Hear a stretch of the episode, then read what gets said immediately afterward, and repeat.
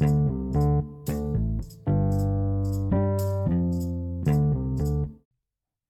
halo para pendengar. Um, jumpa lagi dengan saya di Siniar Tentang Data.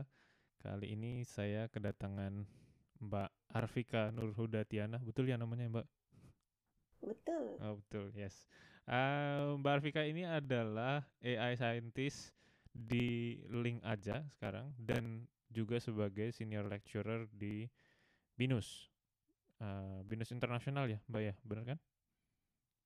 Iya, Iya, betul. di BINUS Internasional. Nah, dulu saya sama Mbak Vika ini sempat kerja bareng walaupun sebentar sekali. Uh, waktu masih di Eiri dulu. Um, terus ya ada belajar-belajar juga lah bagaimana pengalaman Mbak Vika dalam mengerjakan proyek-proyek PhD-nya dulu sedikit. nah, hari ini intinya tapi uh, saya mau ngobrol-ngobrol sama Mbak Vika tentang apa yang dikerjakan um, selama ini mungkin di di link ajanya ya yang terbaru sebagai AI scientist dan nanti beberapa riset yang lain yang pernah Mbak Vika kerjakan. So terima kasih Mbak Vika sudah mau datang uh, hari ini. Terima kasih juga Ali. Senang sekali saya bisa ngobrol-ngobrol lagi. so anyway ya yeah, um, Mbak Vika mungkin boleh uh, introduction dulu uh, memperkenalkan diri mungkin secara singkat kira-kira um, backgroundnya seperti apa. Oke, okay. halo semua, nama aku Vika. Seperti yang disebut Ali tadi, jadi sekarang adalah AI scientist di Link aja di tim Big Data. Si part time juga sebagai dosen sistem informasi di BINUS Internasional. Um, background pendidikan sedikit dari S1 tuh di Nanyang Technological University, Singapura. Uh, backgroundnya computer engineering sebenarnya S1. Kemudian baru ketika lanjut PhD, um, agak lebih ke computer science, ngerjain pattern recognition gitu. Oke, okay, nah yang di PhD-nya pattern recognition-nya lebih ke image data gitu ya Mbak ya? Iya betul, computer vision, computer image vision. processing. Oke, okay. nah um, itu kan yang dahulu-dahulu Mbak Vika sebenarnya kan juga sudah sempat diundang untuk membahas itu. Jadi hari ini kita tidak membahas uh, research-nya dulu zaman PhD dan postdoc-nya. Tapi hari ini sesuatu yang lebih baru, lebih mutakhir yang terakhir Mbak Vika kerjain.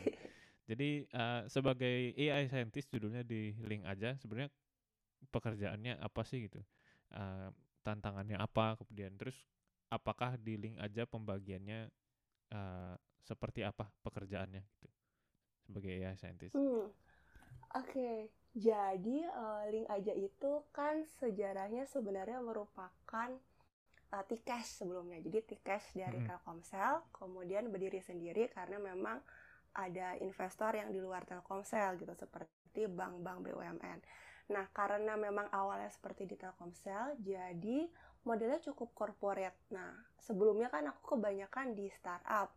Jadi tim datanya tuh mengerjakan semuanya tuh dari data engineering, data analisis, uh, data science gitu.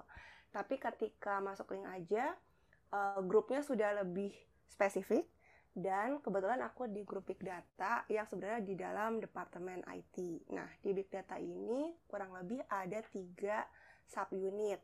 Ada yang khusus data engineering, jadi lebih seperti data pipelining, ETL, hmm. pakai Airflow, BigQuery gitu. Kemudian ada tim yang sifatnya lebih ke BI, Business Intelligence sama Data Analyst. Uh, itu menggunakan dashboard, kemudian analisis data, uh, ada yang pakai report, ada yang otomatis gitu. Kemudian uh, ada tim yang terakhir. Nah, terakhir ini memang termasuk tim yang paling baru yaitu tim AI artificial intelligence. Um, tim AI itu ngapain? Um, so far sih kita melakukan modeling, jadi seperti data scientist biasa ya machine learning modeling.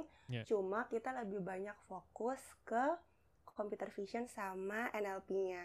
Karena di bisnis side-nya juga ada data scientist. Jadi di sini tuh dibagi data scientist yang di tech di IT department sama ada data scientist yang di business side. Nah, itu mereka banyak menggunakan okay. modeling juga, tapi hmm. untuk tabular data gitu. Kurang lebih seperti itu. Nah, uh, kalau untuk yang spesifik di AI scientistnya kerjaannya apa aja, Mbak? Um, kalau aku kembali ke computer vision. Jadi kita tuh di sini timnya masih sedikit. Uh, ada dua scientist dan ada dua AI engineer. Scientistnya dibagi dua, jadi aku ngerjain computer vision, yang satu lagi ngerjain NLP untuk computer visionnya so far karena ini e-wallet, jadi salah satu user journey yang paling sering kita temui adalah ketika user mau upgrade account. Jadi ada proses namanya know your customer KYC. Hmm. Nah itu kan biasanya kalau kita basic user cuma sign up terus udah. Nah kalau kita mau naikin limit kemudian terdaftar gitu ya. Misalkan kalau dalam konteks Indonesia nih sekarang prakerja gitu. Jadi para penerima disbursement kartu prakerja itu harus terdaftar sebagai upgrade user gitu, full service user. Mereka harus melakukan proses uh, selfie dengan foto iktp-nya, kemudian ada verifikasi dan sebagainya. Nah, di problem yang sekarang kita hadapi adalah sering kali ada nih user yang tidak upload KTP yang original gitu. Jadi ada orang yang upload KTP orang lain, ada yang misalkan uh, fraud uh, seperti kayak fotokopian atau misalkan mereka manipulate lagi foto iktp-nya gitu. Jadi hmm. ada beberapa jenis skenario yang uh, ketika dilakukan proses verifikasi secara manual itu jadinya uh, lebih lama gitu. Karena kan agennya hanya sebagian ya maksudnya. Yeah. Kalau kita agen mungkin beberapa orang, tapi dalam proses misalkan kartu prakerja tiba-tiba banyak gitu orangnya. Nah, hmm. di situlah dibutuhkan mekanisme untuk auto reject skenario-skenario yang uh, tidak boleh itu gitu. Jadi biar prosesnya lebih otomat. Jadi kita kebanyakan AI itu seperti itu sih, berusaha mengotomat proses sehingga dia bisa lebih memudahkan pekerjaan yang agen operasionalnya. Gitu. Oke. Okay. Um, sebelum masuk ke teknisnya sedikit, saya mau nanya, kalau misalnya tadi ada yang kayak uh, di reject gitu ya, jadi pakai fotokopian atau misalnya pakai KTP orang lain, itu akhirnya dia uh, di reject terus nggak bisa sign up lagi, jadi di, di flag sebagai fraud terus udah selesai, atau dia diminta untuk upload lagi atau uh, flow-nya sebenarnya gimana? Um, biasanya kita kasih warning, bukan warning ya, kita kasih notification. Jadi oh tolong upload KTP yang asli ya gitu. Jadi biasanya kita nggak langsung kayak flag bahwa itu sebuah tindakan attempt untuk fraud, tapi lebih kayak kita minta dia re-upload iktp yang asli. Nah kalau misalkan dia berulang kali ya berarti ya ada flagnya gitu bahwa dia uh, di reject berkali-kali. Gitu. Kalau verifikasi dari orangnya berarti tidak langsung di awal gitu atau misalnya ada ada threshold tertentu bahwa kalau dia misalnya uh, confidence hmm. dari modelnya 50-an persen harus diperiksa orang atau kalau udah di atas 80 persen ya udah biarin aja model yang kerja atau gimana pembagiannya itu. Nah, iya itu menarik ya. Jadi kita sebagai AI scientist tuh kadang-kadang dilema ya karena ekspektasinya adalah begitu ada model, this model will solve every problem gitu. Nah, padahal ada kalanya skenario tertentu berhasil dengan baik gitu, bisa generalize well, ada kalanya beberapa skenario tuh miss gitu. Bisa jadi karena faktor pas image capture dan sebagainya. Nah, kita selalu pakai threshold confidence. Jadi kalau probability untuk classify sebagai satu gitu ya. Satu tuh di situ misalkan possible uh, uh, apa ya, tempered atau possible fotokopian itu di atas sekitar misalkan 90% gitu atau 95% atau 80% baru kita bisa dengan confident ngeflag itu sebagai auto reject. Tapi kalau itu di bawah, biasanya kita akan lolosin lagi sampai dia ngelewatin proses ketemu sama manual verification dari agent. Gitu. Jadi biar nggak sampai komplain ya ketika confidence levelnya nggak tinggi, ya mungkin memang ada sesuatu yang perlu dicek lebih lanjut sama uh, agent. Tapi setidaknya loadnya si agent menjadi berkurang. Karena hal-hal yang confident kita bisa reject di awal. Iya, yeah, yeah. Oke oke. Nah kalau dari saya baca-baca sedikit nih di profilnya Mbak Vika, itu kan salah mm. satu teknik yang kau pakai untuk apa e KYC-nya itu uh, ada gun juga di sana gitu. Nah, yeah. gun ini kepakainya di mana Mbak? Um, Oke, okay. jadi kalau untuk yang classification itu kebanyakan pakai transfer learning. Uh, kalau GAN itu dipakai untuk uh, salah satu skenario nya adalah kalau kita mau uh, super resolution. Jadi uh, ada image misalnya gini ada iktp yang diupload oleh user dia itu sangat-sangat low resolution sehingga nggak gitu kelihatan jelas teksnya atau misalkan nggak gitu kelihatan jelas wajahnya ketika kita minta oh ini low quality misalkan kita kasih tahu nih ini low quality tolong upload yang lebih bagus gitu ada kalanya user itu kurang paham jadi mereka akan tetap upload hal yang sama berkali-kali uh, karena mereka kurang paham dengan misalkan message-nya gitu bahwa kamu harus okay. foto dengan kamera yang lebih baik misalkan. Hmm. Nah dari situ uh, kemudian kayak ada ide gitu gimana kalau kita coba pakai super super resolution aja gitu dan salah satu teknik super resolution yang lumayan state of the art lah ya dalam tiga tahun ke belakang adalah pakai SR gun super resolution gun jadi kita nge-training uh, foto-foto IKTP dari versi high resolutionnya dan low resolutionnya. Kemudian nanti kita mencoba nge-generate versi high resolution dari suatu sampel data gitu. Tapi itu lebih masih ke eksperimen ya. Jadi karena itu adalah fase yang ke belakang. Jadi kayak kalau memang akhirnya berhasil, kita bisa bikin super resolutionnya bagus. Tapi kalau nggak berhasil, ya udah nggak apa-apa juga gitu tetap kita akan minta user untuk reupload karena bagaimanapun kan yang raw datanya dari user yang sebenarnya lebih penting karena bagaimanapun yeah. kalau tiap super resolution itu sudah ada apa ya istilahnya uh, intervensi gitu dari teknologi yeah, yeah, yeah. ya udah itu kita skip gitu nah um, untuk gun sendiri susah nggak ngelatihnya mbak kalau si SR gun itu saya tahu saya soalnya kan eh, gun tuh ya apa ya secara proses pelatihannya bisa jadi sangat lama gitu terus um, ya. untuk yang versi apa raw-nya itu susah banget dapetin yang bagus hasilnya juga gitu nah ini pengalamannya Mbak Vika gimana?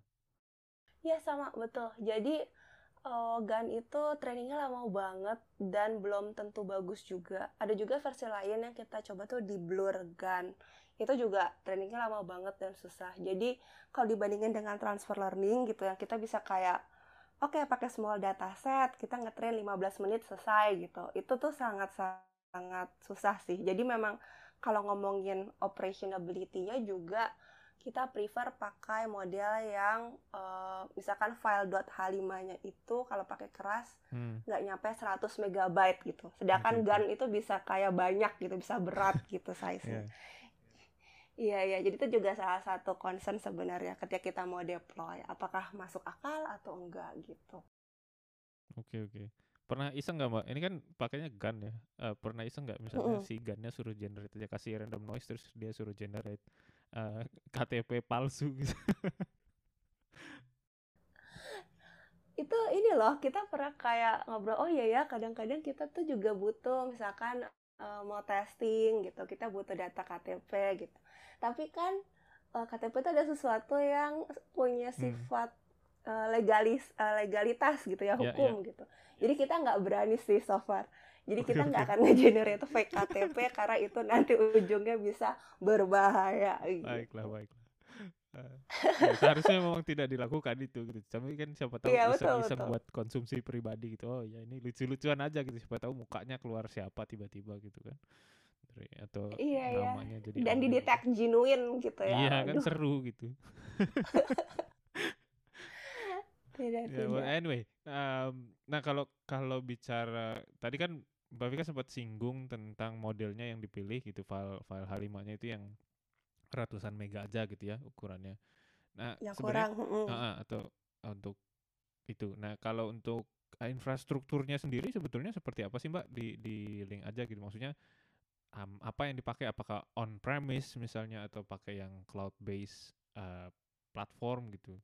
Kan ya namanya bikin model kayak deep learning itu kan butuh GPU ya gitu. Nah itu GPU-nya datangnya dari mana gitu. Terus kemudian gimana caranya supaya membuat ini lebih scalable gitu. Walaupun mungkin ini di di luar uh, job desk-nya Mbak Vika ya tapi mungkin Mbak Vika tahu sesuatu tentang ini.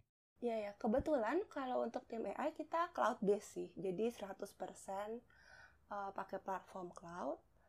Um, deploynya juga di GPU-nya uh, GCP gitu. Kita pakai yang GCP okay. Mm -mm.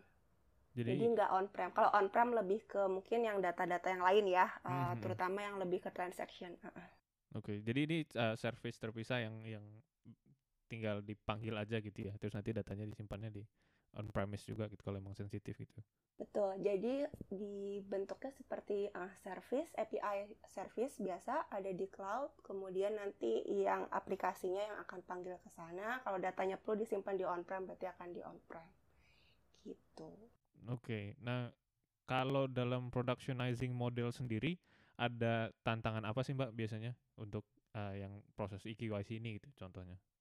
Um, selama ini tuh yang menarik adalah um, jadi ada teman yang pernah cerita kalau kenapa sih data scientist itu sangat terobsesi dengan accuracy. Jadi kayak ah tapi belum 95% nih yeah. Uh, F1 skornya misalkan. Atau ini uh, masih precisionnya jelek atau recallnya jelek gitu. Jadi karena saking terobsesinya tuh modelingnya lama gitu. Jadi proses research dan nge-improve modelnya lama. Sedangkan sering kali tuh um, business needs itu lebih cepat daripada researchnya gitu. Jadi hmm. tiba-tiba ketika kita misalkan siap oh ini ada modelnya lumayan mereka udah kayak oh ya lupa dia waktu itu minta gitu. Jadi kayak wah ya udah gitu. Jadi hal-hal seperti itu tuh kayaknya terjadi across company gitu. Jadi nggak cuma satu company dua company itu itu sering terjadi di banyak tempat. Okay. nah uh, akhirnya kita belajar untuk iteration. Jadi beneran pakai scrum aja pakai sprint. Um, coba versi pertama. Nah kalau image processing biasa tuh saya sempet kayak misalkan untuk nyoba nge blur atau super resolution itu ya udah pakai yang teknik image processing biasa gitu. Hmm. Nah itu dicoba dulu gitu. Terus kira-kira mereka beneran butuh nggak? Jadi memang dilempar ke tim back end backend engineeringnya okay. gitu atau misalkan uh, untuk ngukur nih oh ini blur lalu kita reject atau ini tidak blur-blur amat gitu itu kan kita juga perlu kualitatif study sama uh, operational agentnya gitu. Seperti apa yang biasanya mereka reject dan kualitas seperti apa yang biasanya mereka masih bisa uh, terima gitu. Nah kita lakukan seperti itu dulu. Jadi beneran mulai dari yang simple terus somehow mencoba mengcapture bisnis prosesnya baru habis itu uh, ada semacam mungkin kayak POC gitu ya. Jadi ada semacam proof hmm. bahwa ini akan berguna. Nah baru kita develop yang algoritma atau model yang lebih canggihnya nah ketika sudah ada model lebih canggihnya pun kita punya sampel data kan kita train berdasarkan sampel data ketika nanti dites jadi kan proses tes itu ada tes internal sebagai AI team ada juga yang sudah integration yang seperti SIT gitu dengan tim QA yang ada di back end dan front end Nah, itu bisa beda lagi. Jadi misalkan sampel data kita diambil dari data yang ada gitu. Yang hmm. real dari user upload. Nah, ketika QA nanti ngetes, dia bisa pakai kamera dia misalkan. Atau okay. kamera HP tim yang lain yang mungkin ada yang pakai iPhone 12 gitu ya atau misalkan uh, yang bagus gitu iya. kameranya. Yeah. Jadi somehow it doesn't work gitu. Jadi modelnya working dengan dataset yang dipakai training, tapi ketika dipakai sama uh, orang lain dengan spesifikasi HP yang berbeda, misalkan atau environment yang berbeda, yeah. somehow nggak working gitu. Okay. Nah itu balik lagi gitu. Jadi kayak uh, oke okay, berarti sebelum kita bisa go live harus diimprove lagi gitu. Nah di situ butuh kesepakatan sih bahwa Oke, uh, kita pakai training sampelnya seperti ini dari data yang ada di sini periode sekian. Apakah ini masih valid? Karena ternyata tuh saya sadar kayak yang orang bilang prinsipal 90-90 rule. Jadi kayak data yang valid, eh 90% data yang digunakan oleh perusahaan adalah data 90 hari ke belakang. Okay. Jadi bener gitu. Jadi kayak ketika kita ngambil trading data dalam rentang periode yang tidak valid maksudnya mungkin udah terlalu basi atau gimana itu somehow hmm. ngefek gitu okay. ke representationnya sebagai sampel untuk training gitu jadi ya udah balik lagi gitu oh oke okay. Uh, belajar oh ternyata seperti ini kondisi data realnya misalkan ya udah harus diimprove lagi gitu nanti coba deploy lagi dan biasanya akan ada ketidakpuasan ketidakpuasan jadi kalau misalkan QA ngetes kan dia bisa kayak 100 test cases gitu kan kita nggak hmm. mungkin ya uh, lolos semuanya 100% yep. gitu. Nah, itu sih. Itu akan jadi catatan, kemudian itu yang akhirnya perlu dipakai untuk misalkan akhirnya hybrid. Jadi kayak yang tadi saya cerita, confidence-nya kalau sekian baru dipakai ya decision-nya, kalau enggak berarti hybrid dengan manual approach atau rule based hmm. approach misalkan. Gitu. Baru jadi kayak perlu datang apa ya perlu come to an agreement oh inilah cara kita operationalize-nya gitu atau misalkan oh digabung dengan misalkan mereka udah pakai OCR udah bisa ngedetect langsung NIK-nya segala macam yeah, yeah. oke okay, mungkin kita bisa hybrid jadi nggak apa ya ketika mau productionize itu tidak se easy itu, tidak semudah itu, dan tidak sesimpel yang data scientist bayangkan ketika yang dia lihat hanya dataset yang dia pakai untuk training. Okay. Gitu sih. Jadi masih banyak skenario tambahan, makanya jangan spend too much time untuk nge-training sampai perfect, karena pada akhirnya mungkin bukan itu juga yang diinginkan oleh yeah, ya. usernya. Yeah. Itu sih. Oke, okay, oke. Okay. Ini insight-nya menarik sekali nih. Karena kan kadang sebagai data scientist pengennya duduk ngeliatin modelnya lagi training gitu, ada progress barnya gitu diplototin aja gitu. Iya, atau misalkan cross validation deh atau apa atau hyperparameter tuning padahal mungkin emang bukan tentang hyperparameter tuning gitu. Arahnya emang udah salah gitu. Yeah, Data yeah. sampelnya emang udah salah misalkan. Gitu. Oke, okay, oke, okay, oke. Okay. Uh, menarik sih insight-nya tadi. Yang 90-90 rule itu saya baru dengar justru. Tapi eh, it's interesting, oke. Okay. Uh, itu berlaku juga berarti kalau misalnya datanya uh, image gitu juga berlaku mbak atau lebih ke data yang general yang tabular gitu misalnya? Kalau itu tuh saya bacanya kalau nggak salah waktu belajar tentang data management deh. Jadi itu lebih ke tabular okay. bahwa okay. ya mungkin masuk akalnya adalah market akan berubah kan dengan ya. cepat yeah. ya mungkin dalam hmm. rentang tiga bulan. Image pun somehow uh, karena HP juga smartphone itu juga cepat yeah, sekarang yeah. pergerakannya somehow it makes sense sih gitu kualitas image akan berubah okay. gitu secepat itu sip sip nah kita pindah topik nih uh, kalau tadi kan bahasan tentang yang dikerjakan di link aja sebagai senior lecturer mm. di binus uh, Mbak Vika kan juga uh -huh. uh, membimbing mahasiswa ya terutama untuk penelitian-penelitian ya inilah topik tugas akhir mungkin atau riset yang lain Nah kalau saya lihat Mbak Vika kan banyak main di MOC nih, uh, apa sih? Mm -hmm. Open, op, apa course? Apa sih MOC? Kok saya lupa masih open, open online course. Online course ya. ya. Nah online course itu, nah boleh cerita nggak in summary sebenarnya uh, risetnya Mbak Vika tuh di seputar apa? Terus uh, apa yang mau dicapai goalnya ke depan? Oke, jadi kalau uh, di kampus tuh sebenarnya risetnya agak beda. Jadi nggak terlalu data scientist, tapi lebih kayak um, apa ya? Mungkin kayak uh, social studies gitu. Tapi tetap ada pengolahan data kuantitatif sama kualitatif. Nah, kenapa awalnya belajar tentang MOOC sebagai riset? Karena memang uh, waktu itu ngebaca tren aja sih bahwa memang kita moving towards uh, online learning nih. Walaupun waktu itu belum pandemi gitu ketika kita mulai hmm. Dan kemudian kolaboratornya jadi di kampus tuh aku punya kayak mungkin kayak geng kali ya. Jadi kayak dosen teman-teman dekat yang mereka tuh sebenarnya dari social science gitu. Ah, jadi kita punya geng yang isinya adalah uh, dosen marketing atau dosen behavior organization gitu.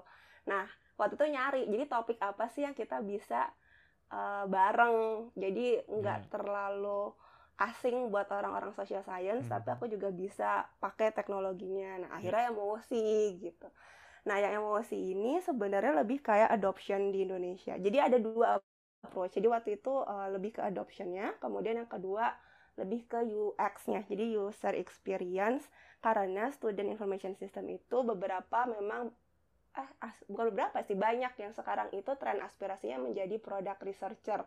Jadi okay. mereka emang pengen kayak mengerjakan apa ya kualitatif research yang sifatnya UX gitu. Jadi ada yang akhirnya propose uh, tampilan baru, UI design yang baru atau UX journey yang baru. Ada yang lebih kayak mengecek uh, oh motivasi orang tuh apa sih gitu. Jadi uh, finding kita sih so far adalah adoption di Indonesia itu sebenarnya sudah mulai naik waktu itu ya sebelum pandemi kok sekarang sih hmm. kayak wajib naik gitu karena emang mau nggak mau harus yeah. waktu itu baru mulai naik karena mereka merasakan mudahnya mendapatkan quality education gitu jadi kayak Harvard dulu kan jauh sekali bayanginnya MIT tiba-tiba kayak oke okay, buka hmm. Coursera gitu terus oh ternyata kayak gini konten di luar sana gitu kemudian masalahnya lebih ke infrastruktur sih jadi kayak ngobrol-ngobrol sama temen juga yang memang entrepreneur di bidang etah gitu ya di luar dulu kan aku kerja di Haruka Edu ada yang di luar hmm. itu juga uh, mereka tuh semua ceritanya tuh satu story bahwa infrastruktur matters jadi kayak pada akhirnya MOOC itu nggak akan bisa uh, apa ya nggak akan bisa masif selama internetnya tidak stabil atau tidak okay. pokoknya tidak mencukupi lah tidak hmm. mumpuni hmm.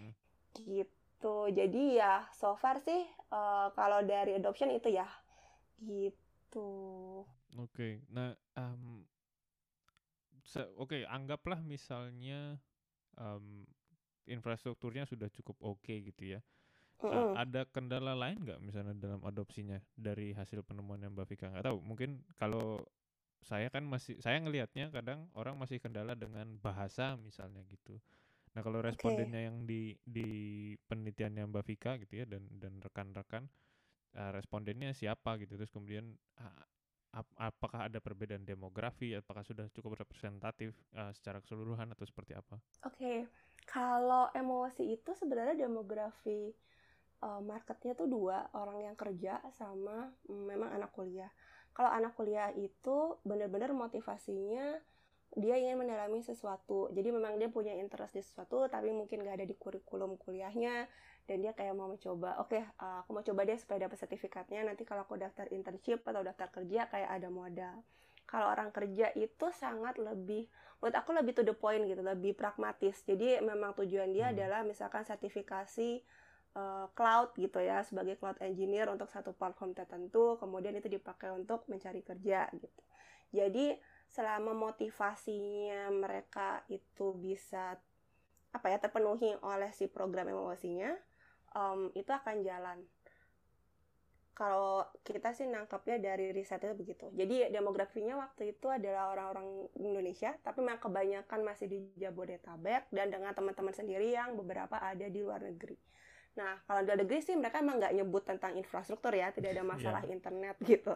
Tapi kalau mereka memang sangat to the point, jadi saya mau sertifikasi ini atau sertifikasi itu. Jadi kalau orang Indonesia mungkin masih sangat mengejar itu sih. Jadi ada bukti sertifikasi bahwa dia punya kompetensi tertentu, uh, dan itu bisa dipakai mereka untuk ya melanjutkan hidup gitu ya, misalkan karir yang lebih baik atau misalkan dapat pekerjaan, gitu. Hmm. Kalau platformnya untuk yang dievaluasi apa aja Mbak? Maksudnya apakah semuanya atau yang Indo basis Indonesia aja atau seperti apa? Um, karena kita waktu itu target respondennya adalah orang kerja sama yang anak-anak di kampus, jadi mostly Coursera dan Udemy. Uh, perbedaannya buat mereka, jadi gini, um, yang menarik adalah uh, Udemy dan Coursera itu kan secara UI desainnya tuh beda. Coursera itu clean hmm. banget putih. Yeah. Kalau Udemy itu masih warna-warni. Uh, beneran kayak marketplace gitu cara yeah. ngedesainnya. Nah, kebetulan ternyata orang Indonesia itu lebih suka dengan yang Udemy. Somehow buat mereka um, apa ya, enjoyment atau misalkan dari segi attractiveness itu masih ngaruh banget. Jadi okay. mereka suka browsing-browsing coursesnya walaupun uh, Udemy itu masih macam-macam kan. Jadi dia providernya tidak hanya kampus, tapi yeah, juga betul. ada organisasi ataupun orang personal gitu. Mm -hmm. They don't mind gitu. Karena buat mereka kayak harganya pun range-nya lebih lebar dan kemudian mereka punya enjoyment dari milih course catalognya dan ya buat mereka kayak itu sesuatu yang lebih menyenangkan daripada Coursera yang boring lah dalam perspektif orang Indonesia gitu gitu sih. Jadi itu sesuatu result yang kita agak nggak expect oh ternyata mereka lebih suka yang berwarna gitu. Dan itulah mungkin yang menyebabkan kayak skill akademi ruang guru gitu. Kalau kita lihat-lihat ya banyak platform itu hmm. memang dibuatnya lebih berwarna gitu yang di Indonesia. Daripada kalau misalnya dibandingin dengan Coursera atau Udacity yang cukup uh, simple atau minimalis desainnya Okay. Gitu. Tapi mereka banyak, tapi ujungnya sama sebenarnya. Mereka banyak yang nggak nyelesain kursesnya. Jadi buat mereka uh, akhirnya paham gitu uh, kenapa banyak kursus yang di kartu prakerja itu tuh dibikinnya sangat simple jadi misalkan cuma tiga sesi hmm. atau misalkan uh, materi sedikit yang bisa dihabiskan dalam setengah jam satu jam kemudian webinar satu jam selesai gitu karena memang banyak yang tidak menyelesaikan kursusnya sampai habis kalau Coursera itu masuk akal karena mereka perlu ngikutin semester kan jadi kayak memang harus ada tenacity gitu untuk Yeah. komitmen ngelanjutin selama summer atau selama spring gitu. Hmm. Nah, tapi kalau misalkan yang Udemy sebenarnya kan banyak yang self-paced. Nah, itu juga tetap nggak selesai. Karena ternyata begitu difficulty levelnya naik, dengan online aja itu lebih mudah untuk demotivated. Jadi kalau nggak ada apa ya interaksi langsung face to face-nya, uh, biasanya jadi oh ya udahlah susah lah, gue juga mau nanya sama siapa, udah gitu di drop aja nggak diselesaikan. Itu sih. Nah, tadi saya baru mau nanya itu gitu tentang drop out rate itu. Kalau emosi itu selalu saya selalu penasaran nih drop out rate-nya berapa gitu karena ya itu kan menunjukkan adopsinya gitu ya secara pakai pertama kali Iya. nyobain gitu kan ya mungkin semua orang bisa tapi sampai bisa selesai ya berapa banyak itu pertanyaannya. Em, ada ada insight lagi gitu di di drop out rate-nya itu Mbak? Ada, jadi waktu literature review untuk uh, past papers ya, jadi ada publication sebelumnya yang mungkin waktu tahun 2015-2016 itu 11% retention rate-nya. Oke. Jadi hanya satu dari 10 yang menyelesaikan sampai habis. Hmm. Iya, Itu worldwide untuk ya? konteks eh iya, tapi dia ada spesifik juga sih yang Asia dan Afrika itu Oke. juga sama segituan juga. Oke. Terus itu tadi eh, konteksnya em, dalam course apa gitu mungkin ada spesifik eh, untuk yang tekniknya apa apa, kuliah teknik atau mungkin kuliah bisnis atau kuliah apa gitu ada perbedaannya nggak? Eh, general, dia ngambil semua sih. Jadi nggak spesifik ke topik tertentu. Hmm oke. Nah em, sebenarnya saya jadi penasaran juga tadi tentang kan waktunya maunya pendek terus maunya dapat sertifikat gitu eh, butuhnya yang Mm-mm. heboh-heboh gitu. Jadi apakah memang harus dibuatnya seperti itu semua gitu? Tapi kan apa ya maksudnya jadi tidak dapat kedalaman dari materinya gitu. Jadi seperti ya udah ngulang aja materi yang sebenarnya dia udah mungkin dia udah tahu gitu dia cuma butuh sertifikat untuk pembuktian aja atau apakah ada insight seperti itu misalnya dari dari risetnya Mbak Vika atau ternyata ada ada motivasi lain eh, at- ya, yang kita bisa nudge gitu supaya mereka lebih eh, mau aktif pakai gitu atau menyelesaikan course-nya. Hmm, pertanyaan menarik tuh. Em, jadi kalau dari kemarin yang kita pelajari tentang adopsinya itu memang akhirnya untuk profil em, masyarakat Indonesia gitu ya. Yang paling tepat memang adalah introductory courses dulu. Jadi memang biarkan mereka mm, antusias mencoba MOC dengan berbagai macam topik kayak oh data science lagi hot nih gitu beberapa tahun ke belakang. Nah, itu kan mereka pengen tahu, tapi mereka mungkin Hmm. akan pusing kalau sudah misalkan harus praktek gitu dengan misalkan eh, mengumpulkan assignment. Jadi biarkan mereka memang belajar introductory courses-nya. Nah, dari situ baru kalau kita bisa ngedesain funnel yang lebih spesifik, ya kita buat eh, versi intermediate sama advance-nya dengan mungkin lebih apa ya, lebih targeted gitu. Bisa akhirnya MOC yang beginner courses ini sangat laku untuk awam.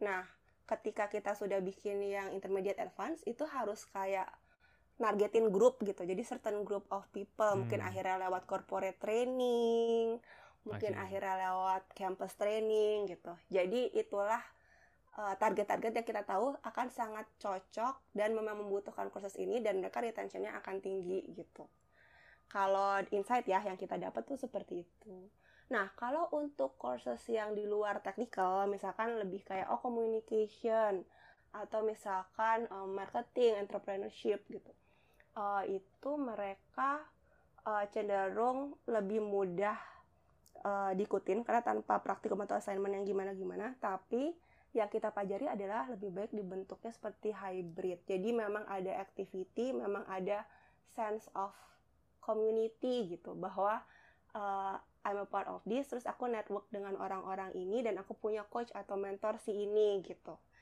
Jadi somehow apa ya di Indonesia itu ke apa ya sense of belonging gitu ke ke suatu komunitas itu ternyata Hmm. penting gitu.